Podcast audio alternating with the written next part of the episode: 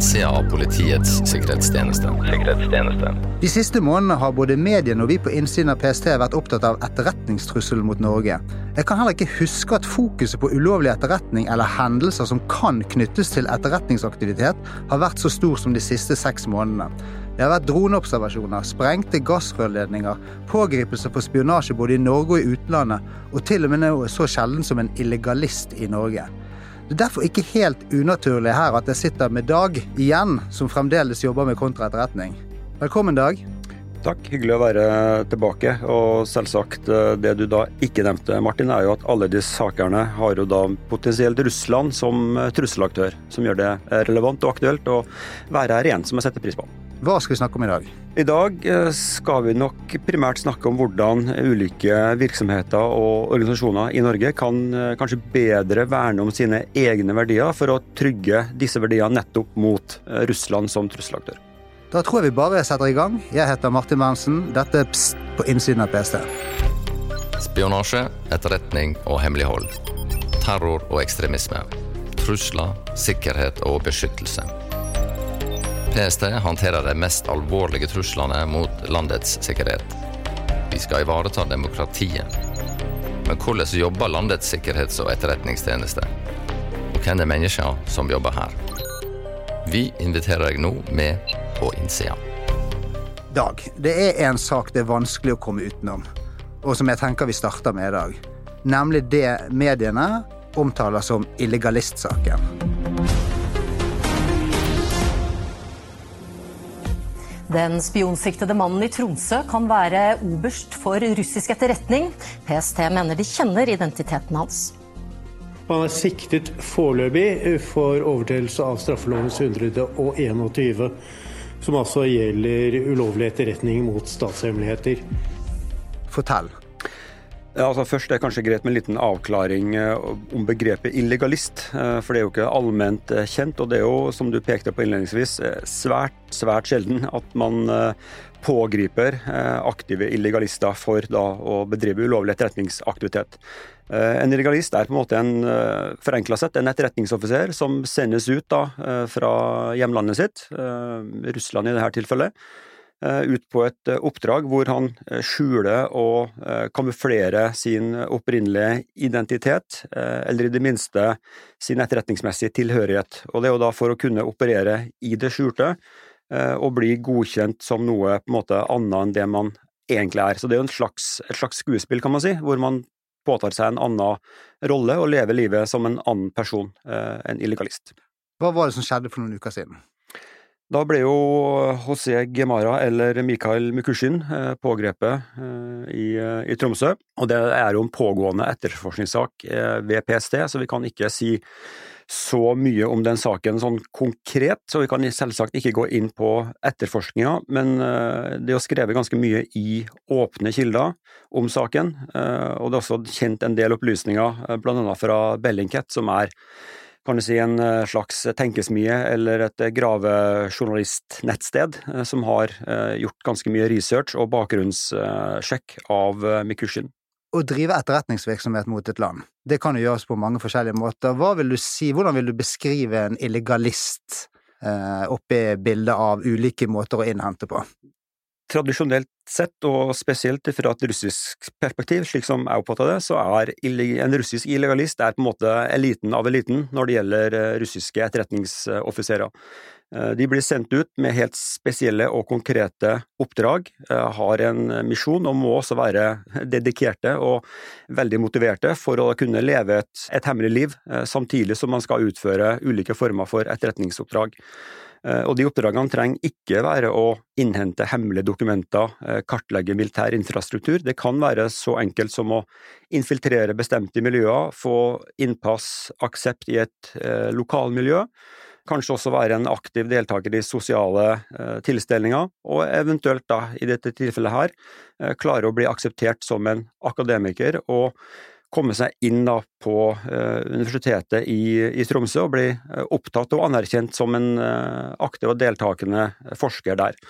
Og så er det også viktig å påpeke her at Universitetet i Tromsø, eller UiT, overhodet ikke har gjort noe gærent, de har ikke gjort noe feil. De har blitt utnytta og misbrukt og brukt av da Russland gjennom russisk etterretning og med Kushin for å posisjonere seg og ja, innhente opplysninger, kanskje, eller bare være en del av et miljø for å se hvor det eh, går hen. Men uh, måten en illegalist tenker på og oppfører seg, uh, slik jeg har forstått det, gjør det som du sier, da, at uh, UiT kan ikke klandres for dette, for det er jo uhyre vanskelig å oppdage. Og finnes det mange eksempler på illegalister i Norge? Eh, nei, det gjør det absolutt ikke. Eh, historisk sett så hadde vi jo Rudolf eh, Eibel, eller William Fischer, eller Emil Golfus, eh, et av mange navn. Han var jo her på 30-tallet. Eh, Jobba da eh, med å etablere det som man tenkte da var et agentnettverk eh, på Bygdøy og i Groruddalen. Han dro jo senere til USA, hvor han ble, ble pågrepet. Så har man hatt noen få tilfeller etter krigen, eh, men det er eh, svært, svært sjelden man kommer på sporet av disse personene, nettopp fordi at de lever i det skjulte og har en hemmelig identitet. Eh, og historisk sett også er det jo den sivile russiske etterretninga som har blitt mest eksponert, gjennom tilfangetakende illegalister, for å bruke et politi polisiært begrep. Eh, og GRU, altså russisk militær etterretning, er eh, så vidt meg bekjent en meget sjeldenhet, for å, for å si det sånn. Men når du sier, sjeldenhet, er det fordi at de er få, eller er det fordi at sikkerhetstjenestene ikke klarer å fange de opp og oppdage det? Jeg vil tippe at det er en kombinasjon. Russisk militær etterretning er nok kjent for å ha en høyere grad av operasjonssikkerhet, i hvert fall historisk sett, enn eh, både russiske utenlandsetterretninger, SVR, og det tidligere KGB, og det har nok også kanskje vært mindre bruk av illegalister eh, i GRU enn for andre russiske tjenester. Eh, så det kan også være en, en, kombinasjon av at de er færre, men også kanskje vanskeligere å oppdage for eh, vestlige sikkerhetsmyndigheter. Er det flere illegalister i Norge i dag? Jeg vil tippe ja, uten at jeg kan liksom dokumentere det eller vise til konkrete hendelser eller saker, men det er iallfall naivt å tro at det ikke er det. Uh, Norge er et attraktivt etterretningsmål for Russland, sånn bredt anlagt. Vi har mange verdier, vi har mye som foregår i Norge som er interessant for Russland, og det er derfor nærliggende å tro at de eh, vil også bruke andre legalister enn han har snakka om, til å på en måte uh, svare ut sine informasjonsbehov. Så da mener du vel også at det eh, kanskje har vært eh, illegalister her som har forlatt Norge og dratt videre eller hjem igjen? Det regner jeg med ganske sikkert, ja. Men eh, hva er det som kjennetegner en illegalist? Altså, hva slags personer er det som faktisk klarer å være illegalister? Eh, jeg tror du kan, hvis du ser på de kjente illegalistsakene historisk sett, så eh, er ikke dette noen sånn supermennesker. De ser ut egentlig som deg og meg, og egentlig vanlige folk. Men det som kjennetegner alle, er jo at de har evnen til å leve et dobbeltliv. De må være en veldig god skuespillere, eh, og du må leve en rolle egentlig tykt og tynt. Også kanskje lyve for egne barn, faktisk, eh, som vi har eksempler, eksempler på. Eh, så det er jo kanskje det primære kjennetegnet, at de har en egen evne til å få andre til å tro på den de framstiller. Eh, og da er de jo ganske kyniske i forhold til å eh, ja, gi falske opplysninger om seg sjøl, med det formål å komme tettere på andre, eventuelt å infiltrere institusjoner som, som UiT. Og slik sett så er det jo UiT har jo blitt, som sagt, utnytta, nevnte jeg i sted, hvor de har måtte blitt lurt av en kynisk etterretningsoperatør med falsk Det som etter all sannsynlighet da er en falsk legende og, og bakgrunn. Så de er på en måte 24-7 skuespillere? Det må de være. Men denne saken viser jo kanskje at det ikke nødvendigvis bare, som man tradisjonelt tenker på, at det er å få tak i eh, hemmelige dokumenter med stempel på, men at det rett og slett dreier seg kanskje mer om i, å inngå i en sosial krets. Kanskje et av de bedre eksemplene de siste, altså i nyere tid, er jo kanskje Anna Chapman og hennes spionring i USA. Ja, Det var kanskje ikke hennes eh, spionring, men hun var en hun var den mest kjente, mest kjente ja. av de spionene. Hun eh, sies da at hun var i ferd med å nærme seg egentlig kretsen rundt tidligere Clinton. Dette var da i 2009-2010, eh, som gjorde at faktisk det føderale politiet i USA, FBI, valgte da å på en måte pågripe hun og ni andre SVR-illegalister i USA. Eh, så Det sier noe om måte, potensialet og hvilken eh, kanskje betydning disse personene har for, for Russland. Og, og, De her ble jo også da hylla som helter når de da kom tilbake til Russland etter en eh, fangeutveksling i, i Wien. Det må jo være et stort tap for en etterretningstjeneste, da, der, hvor de bruker illegalister, og illegalisten blir oppdaget, og holdt på å si hele opplæringen og oppbyggingen av legendene eller den falske identiteten blir avslørt. Ja, igjen, nå kan ikke jeg si så mye om bakgrunnen og, og identitetsbygginga, men eh, ja, jeg vil også anta at det er vel ganske, ganske stort nederlag når en av disse personene blir, blir, tatt, nettopp fordi at, eh, i hvert fall etter min vurdering, så brukes de på de eh, høyest prioriterte oppdragene.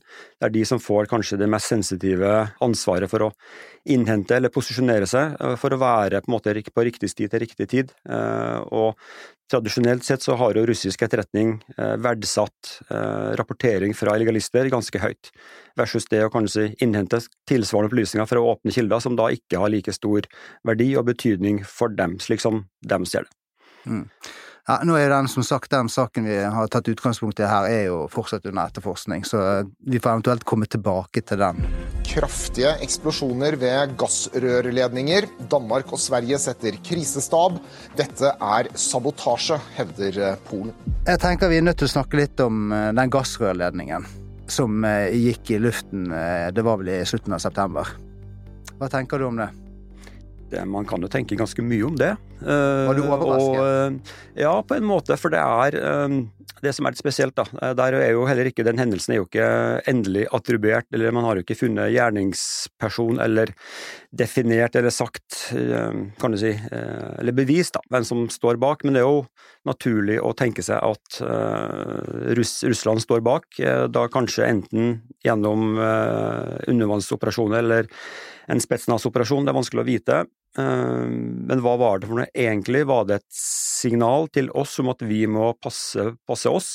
Eh, var det bare for å vise hva de er kapable til?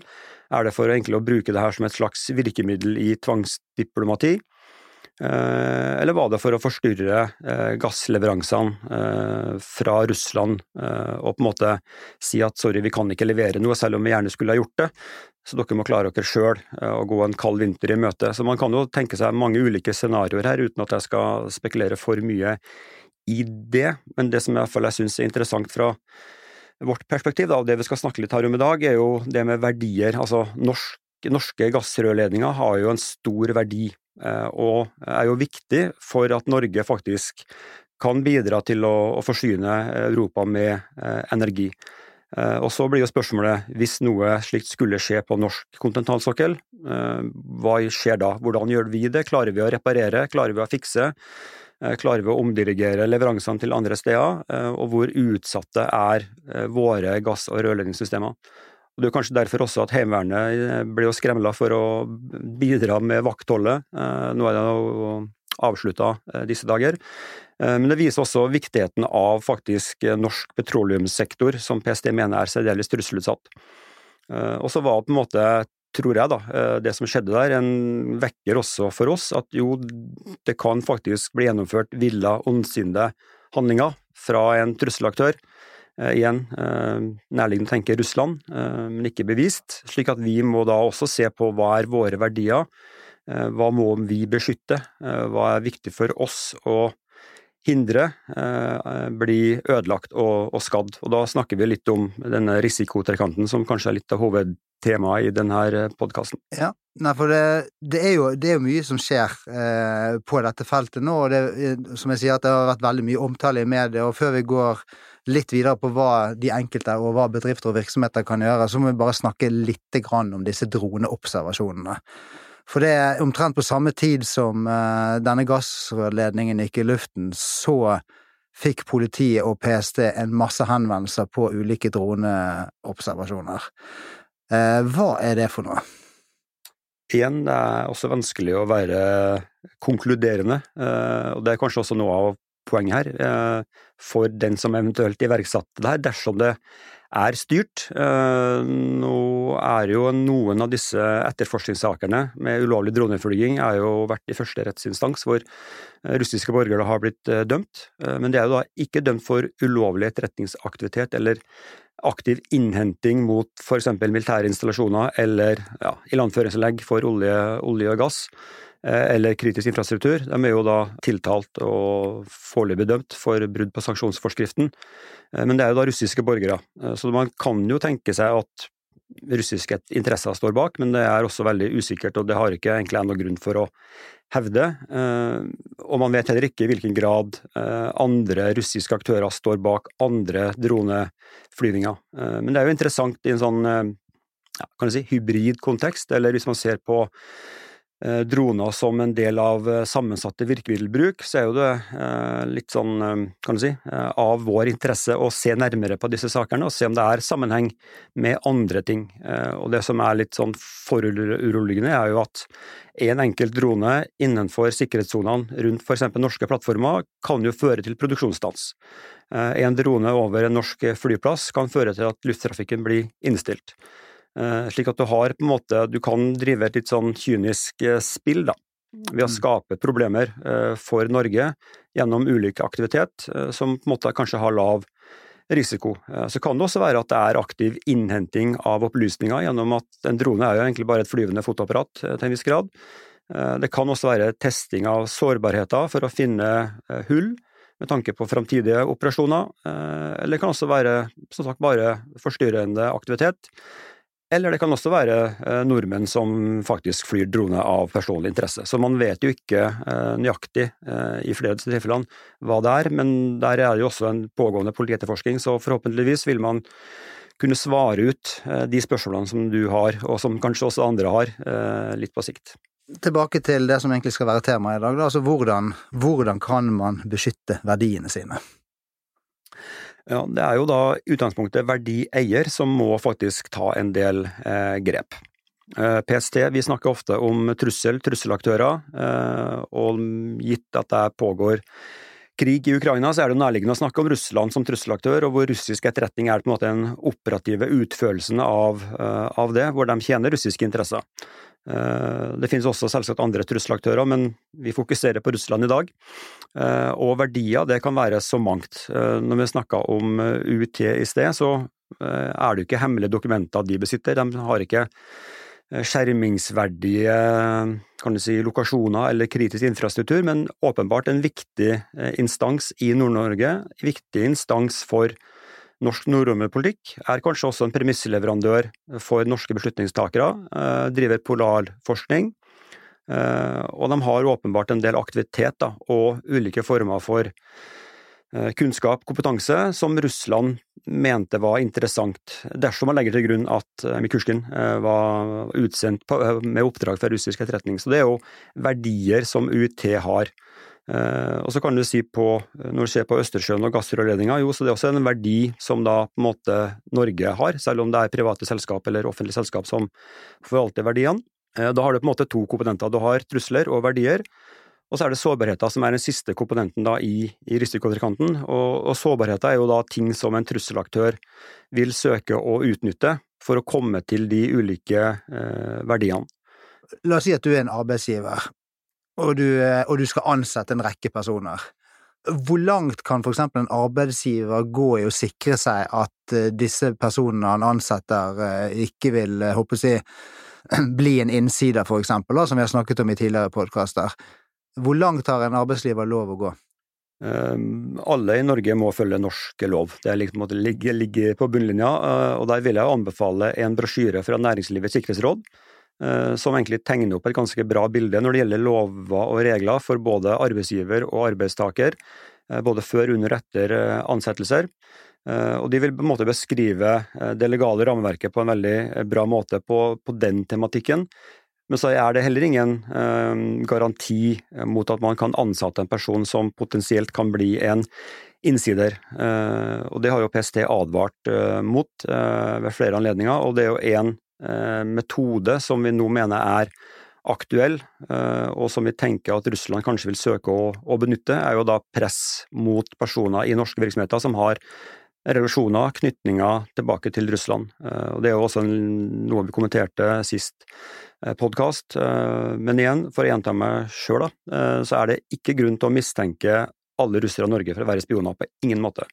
Men vi i PST tenker at russisk etterretning nå kanskje vil komme en litt mer skvis, bli litt mer pressa og må bruke mer brutale og rå metoder for å nå sine mål. Eh, og det kan igjen avstedkomme at de søker å bruke personer da med eh, relasjoner tilbake til Russland for å presse de og, framtvinge et samarbeid.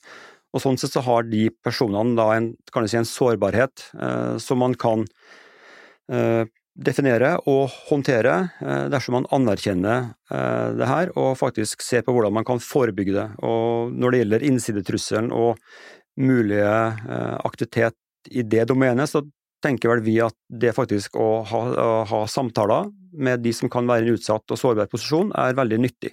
Også for å bygge da lojalitet og tillit til eh, arbeidsgiver. Nettopp for å forebygge og redusere risikoen gjennom å gjøre sårbarheten mindre. Du snakker ofte om å bygge en god sikkerhetskultur i virksomheten. Hva legger du i det?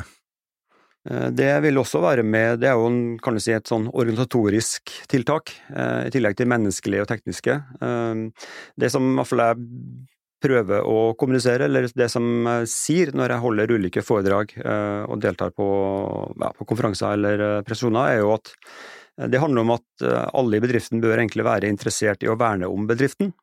Man bør være en del av noe større, og en del av virksomheten. Og hvis man klarer å bidra til at alle ansatte eh, ønsker å ta vare på jobben sin, eh, så tror jeg man har kommet ganske eh, langt.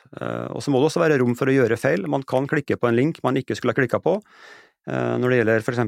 nettverks- eller spearfishing-e-post. Og så må det være rom for at man kan da si ifra og gjøre feil uten at man blir hugd huet av. Men at man også da tar faktisk ansvar, og har også et system for å gjenopprette og eh, finne ut hva som har skjedd, for å hindre at det skjer igjen, og ikke minst eh, drive skadebegrensning hvis, hvis man har måte, fått kompromittert f.eks. en server. Hvis man skal ta noen råd fra innsiden i PC, da, så har vi alltid hatt en såkalt hilsekultur på jobben. Det vil si at når du treffer noen i heisen som du ikke kjenner, så hilser du likevel. Og at man blir sett, og på den måten så så unngår man for eksempel la oss si at det skulle komme ukjente personer inn i en bedrift. Da er det jo ikke alle som er like sikret som eh, oss i Nydalen.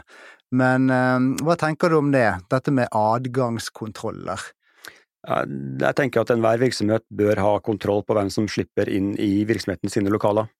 Eh, om det er gjennom å ha synlig ID-kort, eller om man har fysisk eh, adgangskontroll, eller hvordan man gjør det, det må faktisk verdieier og virksomheten selv eh, beslutte. Men dersom man har full åpenhet, alle kan komme og gå når man vil, det er null kontroll på egentlig hvem som er hvor, så er det på en måte en sårbarhet som en trusselaktør typisk nok vil kunne utnytte eh, for å komme da til verdiene, eller få satt på en USB-stikk eller planta en eller satt en USB-stikk inn i en maskin, eller montert avlyttingsutstyr.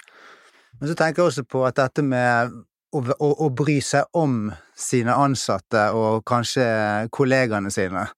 Altså hvis, hvis, noen sitter der mye på nattestid, eller Det er klart at selv for de beste så kan det jo i perioder blir kastet ut hjemmefra, og at du må bo på kontoret en periode. Jeg har ikke gjort det. Nei, men jeg bare sier at det kan skje. Det kan skje. Du vet aldri. Eh, det kan skje, eh, og man vet aldri. Men igjen, det handler også om at eh, alle linjeledere må på en måte være litt på, og det som PST oppfordrer til i disse dager, er jo økt årvåkenhet. Og Det betyr egentlig at man må se sine ansatte, bry seg, være en god leder. Eh, og kunne faktisk også eh, snakke med folk uten at liksom det trenger å være noe formelt eh, rundt det. Og ikke minst detektere og ta tak i, i ting som dukker opp, ved for eksempel avvik i opptreden. Hvis man ser en person som endrer, opp, som endrer personlighet, som får problemer, ja, tør faktisk å snakke med personen, tør å ta en prat om det, så tror jeg det kan ha, en god forebyggende effekt, og også ikke minst sikre at personen forblir eh, lojal. Hva tror du vil skje fremover nå, da? Altså, det, ser, det er jo ingenting som tyder på at eh, krigen i Ukraina vil uh, gi seg med det første. Og heller ikke at eh, de vil, russerne vil bruke mindre ressurser på å innhente opplysninger, blant annet fra Norge. Nei, I eh, sommer var Vladimir Putin i, ute i media og uttalte seg ganske eh, klart og tydelig på det, og der var han jo relativt ærlig, eh, det skal han ha, eh, om at SVR, som er da russisk utenlandsetterretning, skulle støtte russiske kommersielle interesser, eh, og egentlig bedrive industrispionasje i Vesten. Eh, og Det er ikke noe nytt, det har egentlig SVR og for så vidt forløperen KGB eh, og forløperen til KGB, NKVD, drevet med i mange tiår, så dette er en naturlig del av hvordan russisk etterretning brukes for å understøtte russiske interesser. Men det som er verdt å merke seg, syns jeg, da, for norske virksomheter, er jo at det her trenger overhodet ikke å dreier seg om militære komponenter eller eh, produkter som har typisk eh, dual use, altså det kan være både sivilt og militært. Det kan også være rene sivile produkter som for Russland er gode nok i den situasjonen som eh, de står i. Eh, de er i en skikkelig skvis, det er sanksjoner, de har vanskeligheter for å skaffe seg egentlig elementære elementær elektronikk og annen teknologi. Eh, som også har gjort at det spekuleres i om komponenter og chipper fra vaskemaskiner blir putta inn i russiske militære kjøretøy. Nå har ikke jeg sett det bekrefta, men det var et sånn eh, oppslag i media på det. Eh, og Det betyr egentlig at alle norske virksomheter, uavhengig om du produserer høyteknologi eller kan du si, lavteknologi, litt sånn flåsete sagt, så kan det være interessante produkter som Russland vil være interessert i å skaffe seg, gjerne gjennom fordekt anskaffelsesvirksomhet. Eh, og slik sett så er eh, mye av det som foregår i Norge nå, eh, har en stor verdi for, for, Russland, hvor de kanskje da vil forsøke å bruke russiske etterretningskapasiteter for å skaffe disse komponentene. Så hvis vi skal prøve å summere opp litt av det du har sagt, så er det faktisk ganske mange som bør være årvåkne og kanskje gå gjennom systemene og rutinene sine? Ja, eh, det er egentlig et godt eh, innspill, det. Eh, etterretning og kontraetterretning er sammensatt, det er komplisert, det er vanskelig, det er ikke svart-hvitt. Og spesielt i Norge som, så har vi veldig mye som Russland vil være interesserte i. Og der er jo vår eh, nasjonale trusselvurdering lister jo opp ulike sektorer og ulike produkter, ulike teknologier, ulike forskningsområder som er utsatte. Eh, men, og ut ifra det så kan jo hver enkelt bedrift gjøre en analyse eh, selv og se på om de har verdier, har de produkter som ja, kan være aktuelle, kanskje for Russland. Og Når det er sagt, så vil jeg også oppfordre eh, alle som har spørsmål knytta til det, om å ta, ta kontakt. Eh, spør, vær nysgjerrig, søk råd. Eh, jeg vet også at PST både her sentralt i Oslo og lokalt, egentlig overalt i landet, forsøker så godt vi kan å bidra egentlig til en sånn situasjonsforståelse og trusselforståelse til den enkelte bedrift. Ja, Nei, med den europeiske energikrisen i bakhodet, så vil jeg bare ønske deg en vindfull og mild jul. Takk for det. Ser du noe, si noe. Men bruk sunn fornuft. Kontakt oss på pst.no.